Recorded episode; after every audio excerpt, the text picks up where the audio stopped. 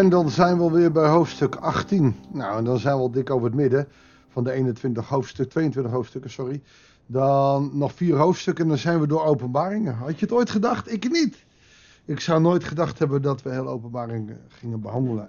Het gebeurt zelden in deze podcast dat we eigenlijk in zo'n kort tijdsbestek een heel boek behandelen. En zeker niet zo'n boek als openbaring. En nou, het is een hele openbaring voor me. Ik spreek wel eens met mensen die luisteren, vinden het nog steeds niet een makkelijk boek. Nee, klopt, het is ook niet een makkelijk boek. Maar het is ook niet zo'n heel eng boek. En ik hoop dat ik dat in ieder geval bereikt heb. Dat het minder eng overkomt dan dat het is. Hoewel, de boodschap die erin zit, is heel streng. Dus er zal echt heel veel gebeuren. En nou ja, kijk eens om je heen.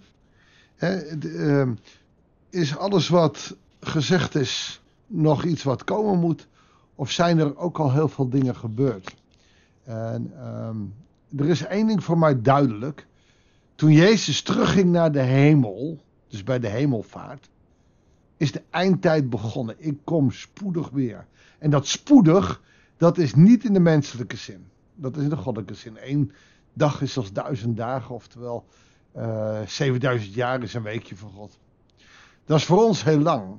Betekent dat heel veel mensen heel veel gelegenheid krijgen om het goede te doen. En in die 2000 jaar na die hemelverdag hebben we al heel wat oorlogen, ziektes en onheilspellende dingen gehad. Is het een optelsom of gaan we het allemaal nog krijgen? Eén ding is wel duidelijk, ook vandaag weer. De bemoediging ligt er wel. Hou vast aan je geloof. Laten we gewoon maar gaan luisteren. Goeiedag, hartelijk welkom bij een nieuwe uitzending van het Bijbelsdagboek. Lees openbaringen 18 vers 1 tot en met 8. Hierna zag ik een andere engel uit de hemel neerdalen. Uit de hemel op de aarde, dus is een nieuw visioen. Hij is niet meer in de hemelse gewesten. Hij staat weer in die visioen op aarde. Johannes ziet die engel op de aarde neder. Hij had groot gezag en zijn luister verlichtte de aarde. Ook dat is bij engelen, die verlichting, die, hè, dat, dat oplichten, dan is het goed. Dan is het een goede engel. Maar met een krachtige stem riep hij: Gevallen, gevallen is Babylon, die grote stad. Dus daar waar we gisteren nog de waarschuwing kregen dat Babylon hè, en de grote hoer ongelooflijk veel invloed hadden, profiteert hij hier gevallen. Gevallen is Babylon. De verdubbeling is extra kracht aangeven, deze Babylon. Hij zal vallen. Ze is een woonplaats voor demonen geworden. Ze biedt onderdak aan elke onreine geest. Elke onreine vogel en elke onrein afschuwelijk dier. Alle volkeren hebben door haar ontucht de wijn van haar wellust gedronken. De koningen op aarde hebben de ontucht met haar gepleegd. En de handelaars op aarde zijn van overvloedige wilde rijk geworden. Ook hier is het weer de vraag: wat is dat? Is dat een stad? Is dat de wetenschap? Is dat um, ook wel een verkeerde leer? Weet je, als ik over de kerk nadenk, ook de kerk in Nederland, ga ik niet oordelen wie de beste leer heeft of wie het goede heeft. Weet ik wel dat er ook heel veel dwaalleraren zijn.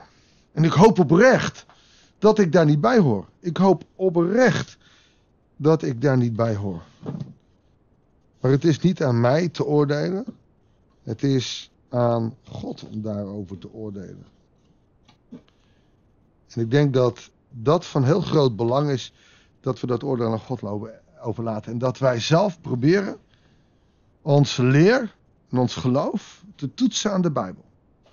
Dus niet dat we zeggen, nou ja, ja, ach, oh, maar dit vind ik. Nee, het gaat er niet om wat ik vind. Het gaat er niet om wat jij vindt. Het gaat erom wat God vindt. We moeten veel meer zoeken. Heere God, wat vindt u? Nou, die dwaalleraren, de dwaalleren, is die grote hoer. Laten we daar eens voor kiezen die is niet alleen in Babel, die is over de hele wereld. Oftewel, overal de hele wereld zijn steden waar mensen zijn die anderen op het verkeerde pad brengen. Zelfs binnen de kerken. We hebben uh, vrijzinnigheid waarin mensen zeggen, ach, een beetje God en een beetje Allah en een beetje... Nee, radicaal geloven is echt Jezus Christus en Hij alleen. En Hij is de Zoon van God. En Hij is gekomen om ons te bevrijden van al de kwaad. En Hij zal wederkomen om de aarde te vernieuwen. Dat. Maar alle volken, dus over de hele wereld, hebben door haar ontucht de wijn van haar wellust gedronken. Oftewel, we worden allemaal uitgedaagd om van die verkeerde wijn te drinken, oftewel te proeven van de lauwheid, van het kwaad. De duivel probeert daar waar geloof is, mensen onderuit te halen, zodat geloof kwijtgeraakt wordt. Ik werd dan heel erg bemoedigd door iemand in mijn gemeente waar ik op bezoek was, die nou echt dingen heeft meegemaakt, die willen jij en ik niet meemaken. En, en ze zei, maar ik heb nog nooit getwijfeld dat het van God kwam. Ik heb wel mijn vragen, ik heb wel mijn. Maar. Het komt niet van God. Hoe mooi als je zo mag leven. Dat je gelooft, dat je niet alles snapt, maar dat je weet dat de ellende niet van God komt. Maar het is zo makkelijk als het zo tegenzint om, om, om de wijn te drinken van de wellust van de andere goden, afgoden. Koningen, leiders hebben ontucht met haar gepleegd. Nou, dat begon al met uh, Salomo. De wijze koning, een van de wijste koning die er ooit is geweest aan het eind van zijn leven, heeft hij afgoden binnengehaald. Ook hij heeft geproefd van de wijn van de ontucht. Toen, vers 4 hoorde ik, dus wederom, hoorde ik een andere stem uit de hemel zeggen: Ga weg uit de stad, mijn volk.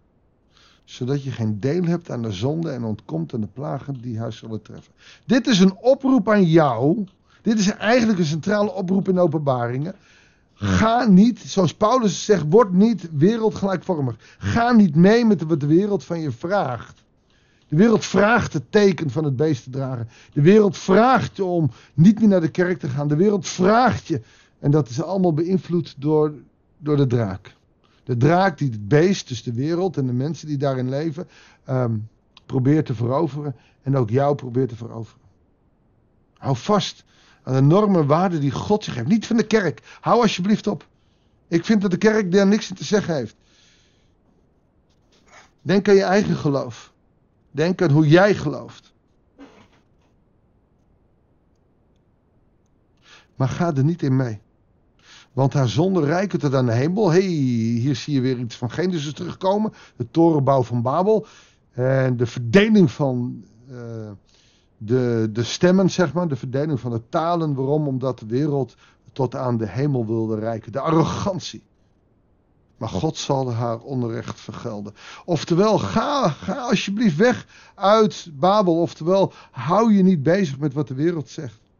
Doe met haar. Hé, hey, wie is dat? Doe, wie moet dat doen? Nou, dat is dat beest wat daar bezig is. Dat is de draak. Dat is Satan. Doe haar. Maar wat, ze, wat zij met anderen deden. Laat haar dubbel boeten. Oftewel, geef daar maar je wraak. Niet over de rechtvaardige, maar over de onrechtvaardige. Hier wordt het beest uitgedaagd om, om wraak te nemen. Dat doet ze graag. Want het kijkt niet naar volgers of niet volgers.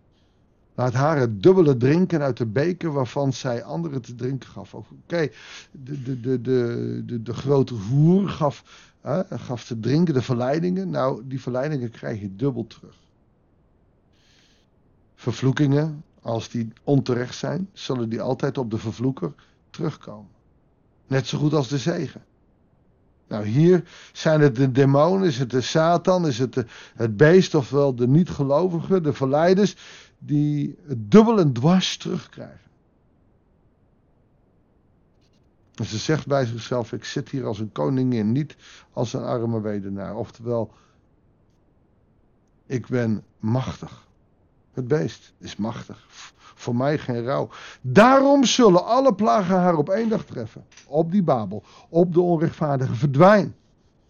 Wees rechtvaardig. Zoek God. Je hoeft niet alles te snappen. Maar beleid Jezus als Heer. Want dodelijke ziekte, rauwe hongersnood ze zal in vlam opgaan. Want God de Heer, die dat vonnis heeft geveld, is machtig. Hier laat Jezus zien aan Johannes.